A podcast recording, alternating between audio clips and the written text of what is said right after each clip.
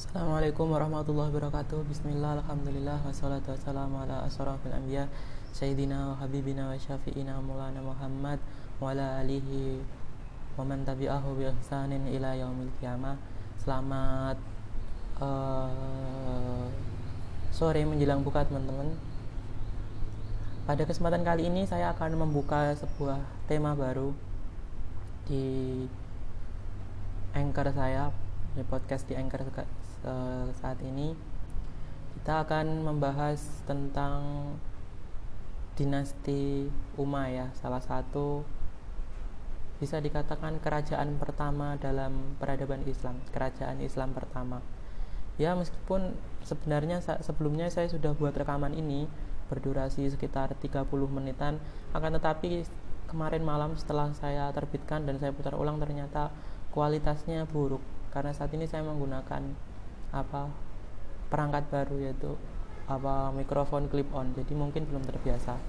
Ketika saya putar itu berisik noise banget. Dan hampir sebagian seperempat rekaman itu tidak bisa didengar dan sangat berisik sekali. Baik langsung saja teman-teman. Dinasti Umayyah atau bisa disebut kerajaan Umayyah atau khilafah Umayyah tapi kita menggunakan apa itu terminologi dinasti saja karena lebih apa itu lebih objektif. Maksudnya tidak memihak. Kalau kita sebut khilafah kan mungkin seakan-akan kita mendukung dan kemudian apa ingin menghidupkan kembali semangat kekhilafaan. Kalau kita menggunakan kerajaan atau apa itu rezim istilahnya nanti kita seakan-akan mendiskreditkan Bani Umayyah ini yang ya ini terlepas dari sisi baik dan buruknya memiliki sumbangsi besar dalam peradaban Islam. Kita gunakan istilah dinasti saja lebih historikal lebih objektif tidak memihak.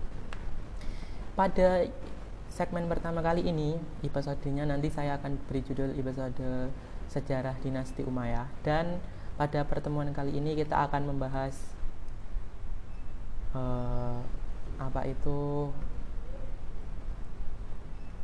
tentang pengantar dan juga pembentukan awal hal-hal yang meliputi pembentukan awal dinasti Umayyah ini.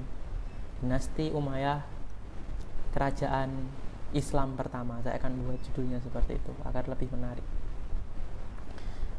saya jadi ingat perkataan Profesor Mahfud MD seorang tokoh Nahdlatul Ulama ahli hukum tata negara pernah menjadi ketua MK kalau tidak salah. Beliau pernah menulis dalam sebuah artikel yang diterbitkan di Kompas. Beliau mengatakan bahwa di dalam sumber primer ajaran Islam Al-Quran dan Sunnah Nabi Muhammad Sallallahu Alaihi Wasallam Sallallahu Alaihi Wasallam tidak ada ajaran sistem politik, ketatanegaraan dan pemerintahan yang baku. Di dalam Islam memang ada ajaran hidup bernegara dan istilah khilafah, tetapi sistem dan strukturisasinya tidak diatur di dalam Al-Quran dan Sunnah, melainkan diserahkan kepada kaum muslimin sesuai dengan tuntutan tempat dan zaman. Jadi kalau kita melihat secara historical ditinjau dari segi historis uh, sejak wafatnya Nabi Muhammad Wasallam hingga kemudian sampai masa kekhulafaur Rasyidin itu memang ada istilah khilafah atau khalifah khalifah dalam uh, kurun waktu Nabi dan uh, Khulafa Rasyidin 40 tahun setelahnya itu memang ada istilah khalifah. Akan tetapi istilah khalifah yang difahami saat itu berbeda dengan terminologi atau istilah khalifah pada zaman sekarang. Kalau zaman sekarang khalifah pemimpinnya kalau dan khilafah sistemnya itu e, cenderung kita menisbatkan kepada sebuah sistem. Dan khalifah juga dipandang sebagai sebuah bagian dari sebuah sistem kerajaan Islam yang kepemimpinan secara sentralistik. Akan tetapi di zaman Nabi dan Khulafaur Rasyidin istilah khalifah itu teman-teman dikenal luas sebagai identitas individual pemimpin.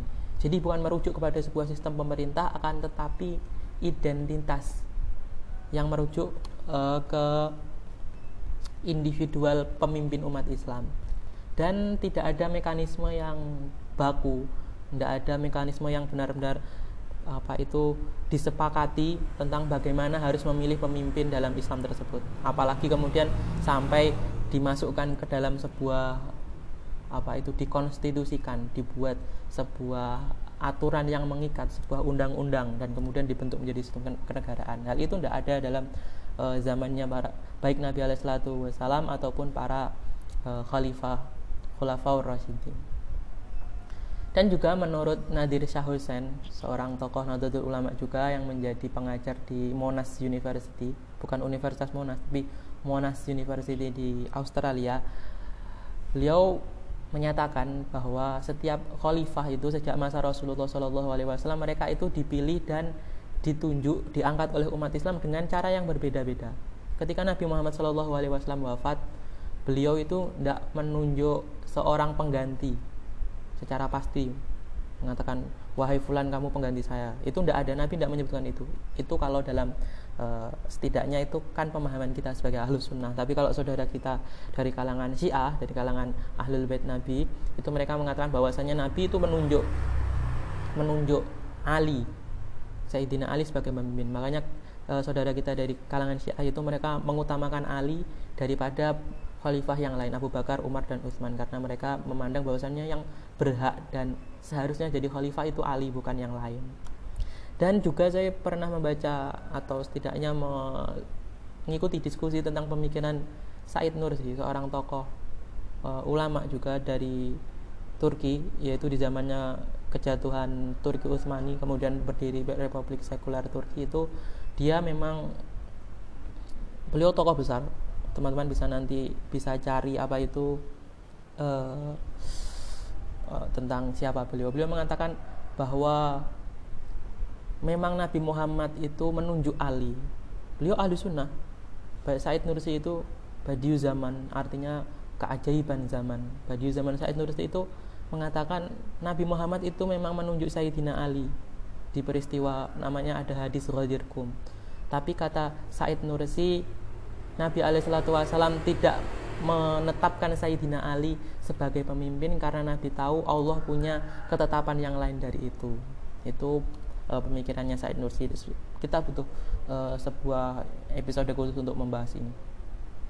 Kembali ke tadi, uh, Nabi Muhammad SAW bagi kita ahli sunnah tak menunjuk pengganti atau khalifah. Khalifah itu namanya pengganti teman-teman. Makanya ketika uh, Nabi Alaihissalam mengangkat diganti Abu Bakar. Abu Bakarnya itu Khalifatul Rasulillah penggantinya Rasul.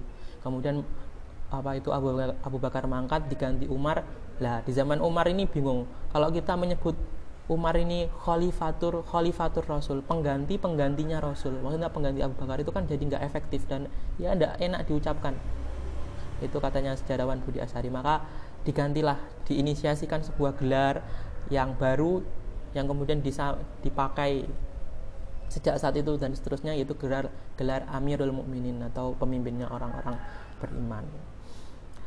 Ketika Nabi Wasallam wafat tidak menunjuk siapa pun sebagai uh, apa itu penggantinya dan setidaknya uh, menurut kitab Manama Alusunnah maka saat itu ketika Nabi Wasallam bahkan jasadnya belum dikuburkan jasad beliau yang, yang mulia alaihi wasallam para sahabat itu berdiskusi di sebuah tempat namanya Sakifah Bani Sa'idah itu untuk mencari siapakah pemimpin umat Islam setelahnya. Maka disepakati dengan berbagai konflik dan intrik ya sebelumnya juga Abu Bakar sebagai pengganti beliau.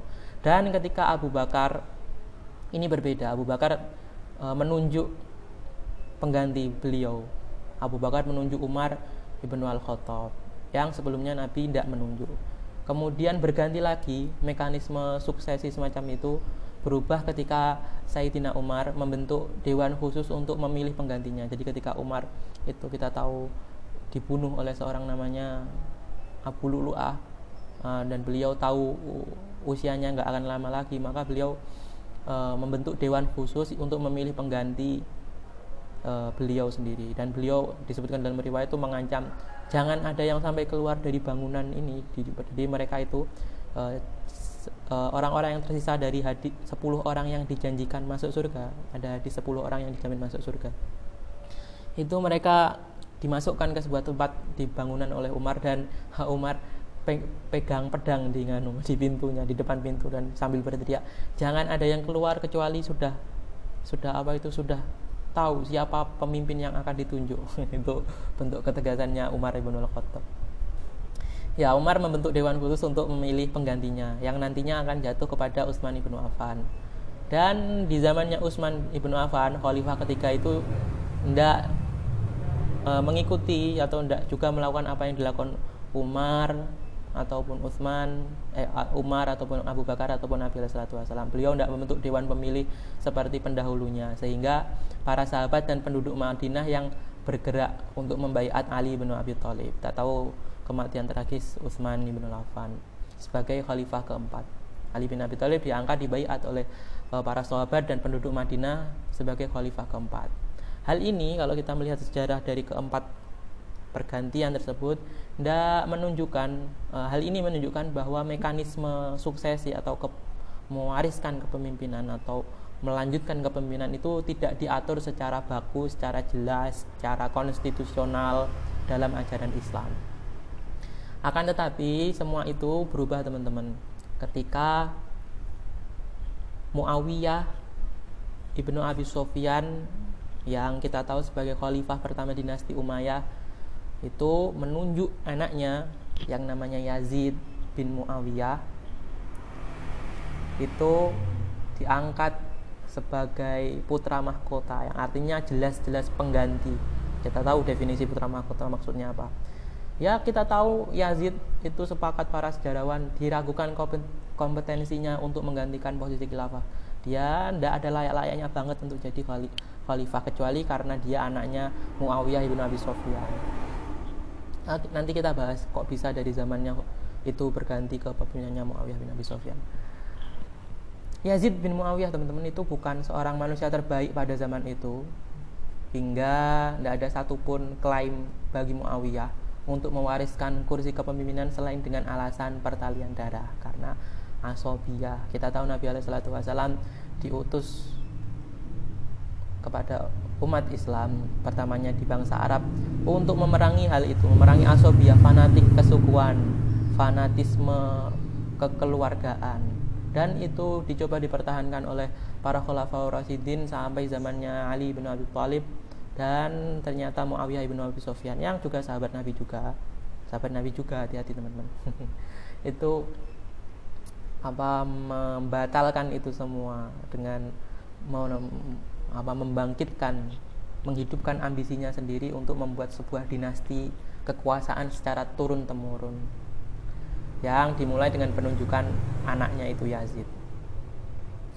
Cara ini kemudian cara pewarisan dengan menunjuk putra mahkota itu menjadi sebuah satu standar atau sebuah percontohan sebuah aturan bukan aturan ya sebuah standar mekanisme pewarisan tahta di sistem pemerintahannya Bani Umayyah hingga kita tahu berakhirnya sekitar abad eh, sekitar tahun 750 Masehi.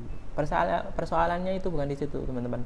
Persoalannya itu cara itu, cara pewarisan tahta dengan menunjuk apa itu pengganti berdasarkan putra mahkota didasarkan atas asobiyah atau mana atau kekeluargaan, kesukuan itu diadopsi oleh semua dinasti pemerintahan Islam lain yang lahir setelahnya, yang lahir setelah e, keruntuhan dinasti Umayyah, mulai dari Abbasiyah, kemudian Fatimiyah, Syiah Fatimiyah, kemudian Saljuk, kemudian Mamluk, sampai yang terakhir kekhilafan terakhir umat Islam yaitu Ottoman atau Turki Utsmani di Turki modern sekarang.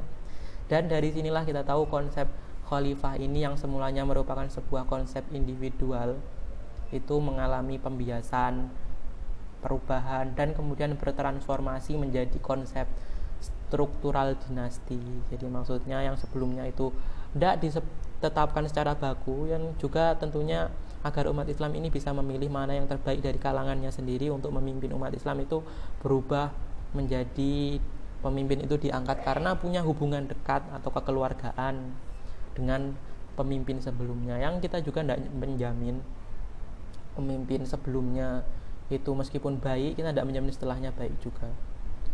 Hingga sekarang konsep khalifah itu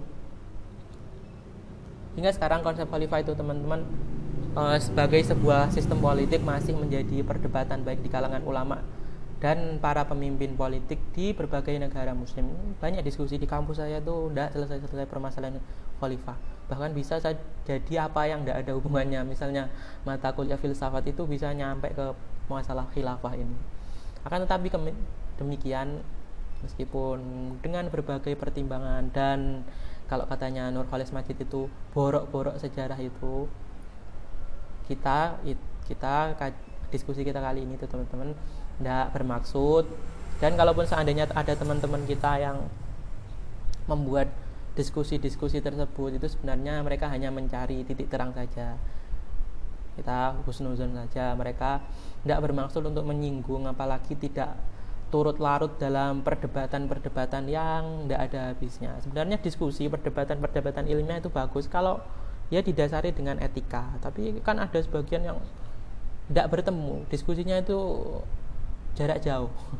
Jadi caci maki antar tulisan di wall Facebook antar video-video di YouTube. Satu buat video yang lain menghujat. Yang dihujat tidak terima. Balas lagi. Atau lewat perang tweet. Itu bukan suatu hal ya yang patut ditiru perdebatan yang omong kosong. Tidak ada tidak ada apa itu tidak ada masalahnya sama sama sekali dan saya dan Husnuzon itu semua dan pembahasan kita juga itu hanya bermaksud menulis sejarah apa itu membahas ulang atau mengingatkan ulang sejarah dinasti Umayyah sebagai dinasti pertama dalam sejarah Islam. Kita meninjau itu semua bukan dalam rangka untuk mendiskreditkan Umayyah itu sendiri atau mencaci maki ya, meskipun kita tahu sejarahnya seperti apa ataupun kita bahkan mendukung dak tujuan kita ya ingin cuman ingin melihat itu semua dari segi objektif dari sudut pandang historikal yang objektif dan di samping itu selama 90 tahun berdirinya itu ekspansi dan wilayah kekuasaan kaum muslimin itu untungnya meningkat luar biasa cepat, luar biasa cepat hingga ke Afrika Utara dan Eropa. Jadi bagaimanapun dinasti Umayyah itu dengan semua minus-minusnya itu telah meninggalkan kalau bisa dikatakan sebuah jejak besar atau fondasi awal bagi berdirinya sebuah sistem peradaban Islam selanjutnya. dan berikutnya uh, saya akan membahas tentang bagaimana yang unik dari dinasti Umayyah ini mereka membuat apa itu menggunakan kota yang sebelumnya tidak ada dalam maksudnya tidak dikenal dalam apa itu tradisi Islam untuk dijadikan ibu kota. Jadi dinasti Umayyah itu teman-teman memilih Damaskus. Kalau Damaskus sekarang itu ya di Suriah, Syria modern itu sebagai pusat pemerintahannya. Jadi kalau kita runtut itu Damaskus ini ibu kota ketiga. Kita tahu di zaman Nabi dan sampai zamannya Khalifah Utsman itu ibu kotanya di Madinah. Kemudian Sayyidina Ali karena pertimbangan politik memindahkannya ke Kufah karena lebih kuat di sana. Dan juga apa itu di zamannya Muawiyah dengan pertimbangan yang sama pertimbangan pertimbangan politik dipindahkan ke Damaskus. Pilihan tersebut pada awalnya itu ya menuai protes dari banyak kalangan kaum muslimin. Tapi tempat tersebut dipilih bukan tanpa alasan. Setidaknya ada tiga alasan mengapa Muawiyah itu memilih Damaskus sebagai pusat ibu, sebagai ibu kota. Kalau kita lihat peta modern Damaskus itu 650 mil dari pusat Madinah dari pusat peradaban Islam saat itu. Pusatnya ya di Madinah. Beberapa alasannya itu kata Muawiyah yang pertama karena alasan prestis dan pengaruh dari, dengan Bani Hashim. Ya kalau kita rujuk ke tulisannya siapa itu? Iman Garam dalam bukunya Turning Point on Middle East History. Bagaimana diketahui sudah sejak lama itu terjadi persaingan gengsi antara Bani Umayyah dengan Bani Hashim. Ya setidaknya itu Bani Umayyah lah merasa bersaing dengan Bani Hashim. Dan ini berlangsung terus-menerus hingga masa Muawiyah ibnu Abi Sufyan. Ketika Rasulullah Shallallahu Alaihi Wasallam itu menaklukkan Mekah, Bani Umayyah saat itu dipimpin oleh abahnya Muawiyah ini, namanya Abu Sufyan. Ya Abu Sufyan juga masuk Islam. yang kalau katanya siapa Garam ini mereka mereka itu Bani Umayyah itu masuk Islam begitu ketika cahaya Islam sudah sangat terang benderang dan tidak mungkin dipadamkan lagi jadi ini uh, semacam sarkasme bahwa menunjukkan Muawiyah, Abu Sofyan dan sebagian besar Bani Umayyah mereka masuk Islam ya karena kepepet karena sudah tidak mungkin lagi melawan umat Islam yang saat itu sudah ya diambang angin untuk masuk ke kota Makkah dan sejak saat itu sudah mustahil bagi Muawiyah dan Abu Sufyan untuk mengembalikan prestis Bani Umayyah ke posisinya semula. Terlebih di tengah-tengah kaum muslimin yang begitu menjunjung tinggi Nabi Muhammad Shallallahu Alaihi Wasallam yang dari kalangan Bani Hashim musuh uh, musuh persaingan Bani Umayyah. Ya meskipun Nabi Alaihi Wasallam tidak seperti itu sih Nabi Nabi bukanlah seorang yang uh, mengedepankan fanatisme kesukuan atau kemudian apa tribalisme. Nabi sebenarnya diutus untuk memerangi itu semua. Tapi karena saat itu masih kuat apa itu tribalismenya maksudnya kesukuan fanatisme kekeluargaannya bangsa Arab akhirnya jadi ada semacam kecemburuan sosial. Dan oleh sebab itu menancapkan kekuasaan di Mekah dan Madinah yang keduanya juga merupakan uh, sarangnya Bani Hashim sarangnya Sayyidina Ali. Meskipun ya Sayyidina Ali kan juga bagian dari Bani Hashim. Itu bagi Muawiyah itu sama halnya dengan mendirikan benang basah. Tidak mungkin dan sangat beresiko. Di sisi lain juga memimpin di tengah kaum muslimin itu bukanlah perkara yang mudah sih akan selalu datang kritik dan kecaman bila mereka memimpin tidak di atas garis kebenaran. Dan ini kita tentu saja uh, maksudnya Muawiyah itu merasa tidak akan kondusif yang beliau sendiri itu berniat untuk mendirikan sebuah imperium Umayyah. Imperium ini kono, konotasinya hmm, cenderung negatif atau enggak? Imperium itu kan sama halnya dengan imperialis, imperialisme. Terlepas dari itu semua, beliau Muawiyah itu ingin mendirikan sebuah imperium Umayyah yang rencananya itu akan diwariskan secara uh, turun temurun. Alasan kedua karena alasan geopolitik dan geostrategis. Jadi Damaskus itu teman-teman terletak di persimpangan dua peradaban besar saat itu yaitu Persia dan Romawi. Meskipun sebelumnya kita tahu Persia sudah tidak ada lagi secara dejurnya atau apa iya secara kerajaan konstitusi itu mereka tidak ada sejak dikalahkan oleh umat Islam di zamannya Umar ibnu Khattab. Yang sebelum ditaklukkan itu Damaskus itu masuk ke dalam bagian kekuasaannya Imperium Romawi. Meski sebagian besar masyarakat saat itu beragama Kristen namun berbagai infrastruktur negara adidaya sudah terinstal di tempat ini. Jadi untuk sebagai apa sebuah tempat untuk dijadikan pusat pemerintahan ibu kota sebuah negara ditunjang dari inf infrastruktur yang sudah didukung oleh sejak zamannya apa itu Imperium Romawi itu Damaskus sudah mumpuni dan yang terpenting masyarakatnya sangat kosmopolitan dan beragam. Dengan takluknya Romawi dan Persia oleh pasukan kaum muslimin pada masa pemerintahan Umar bin Khattab Islam langsung mantap posisi politik di kawasan ini. Dan Damaskus itu adalah wilayah yang paling strategis untuk menjangkau kedua sisa kekuatan adidaya dunia ini. Dan kita tahu kelak nanti setelah posisi kekuasaan dan legitimasinya rampung dibangun sudah selesai Muawiyah dengan cekatan itu langsung mengembangkan areal kekuasaannya hingga sampai ke Afrika Utara juga sampai ke Maroko dan Andalusia di Spanyol lewat Afrika Utara. Dan ketiga Alasan ketiga, alasan terakhir Muawiyah memilih Damaskus sebagai ibu kota peradaban umat Islam karena wilayah tersebut itu memang Muawiyah sudah menguasai. Jadi e, kalau kita lihat sejarahnya Muawiyah itu sebelum dia menjadi khalifah, Muawiyah itu sudah menjadi gubernur di Damaskus. Dalam waktu dalam rentang waktu dia jadi gubernur itu dia sudah berhasil membangun semacam kekuatan politik, kekuatan militer dan juga pondasi dukungan dari masyarakat Damaskus dan sekitarnya terhadap kepemimpinannya Muawiyah itu sendiri makanya kita apa itu tidak kaget juga sih ketika Muawiyah itu berani nantang duel nantang perang dengan kekuatan khalifahnya Ali bin Abi Thalib dalam perang Siffin perang saudara Islam. Dan di samping itu tempat itu tempat Damaskus itu Damaskus itu memang strategi secara ekonomis. Damaskus itu pada masanya itu merupakan sebuah kota pelabuhan yang penting. Dan di Damaskus itu menjadi titik akhir sebelah barat jalur ekonomi yang terkenal di masa lalu itu yang disebut jalur sutra. Uh, saya kira itu dulu apa uh, pembahasan kita kali ini tentang dinasti Umayyah sebagai kerajaan Islam pertama. Di segmen berikutnya kita akan membahas asal usul uh, apa itu asal usul dari dinasti Umayyah ini baik secara nasab ataupun secara pembentukan. Saya kira itu dulu cukupkan. Terima kasih teman-teman. Akhirul kalam. Wassalamualaikum warahmatullahi wabarakatuh.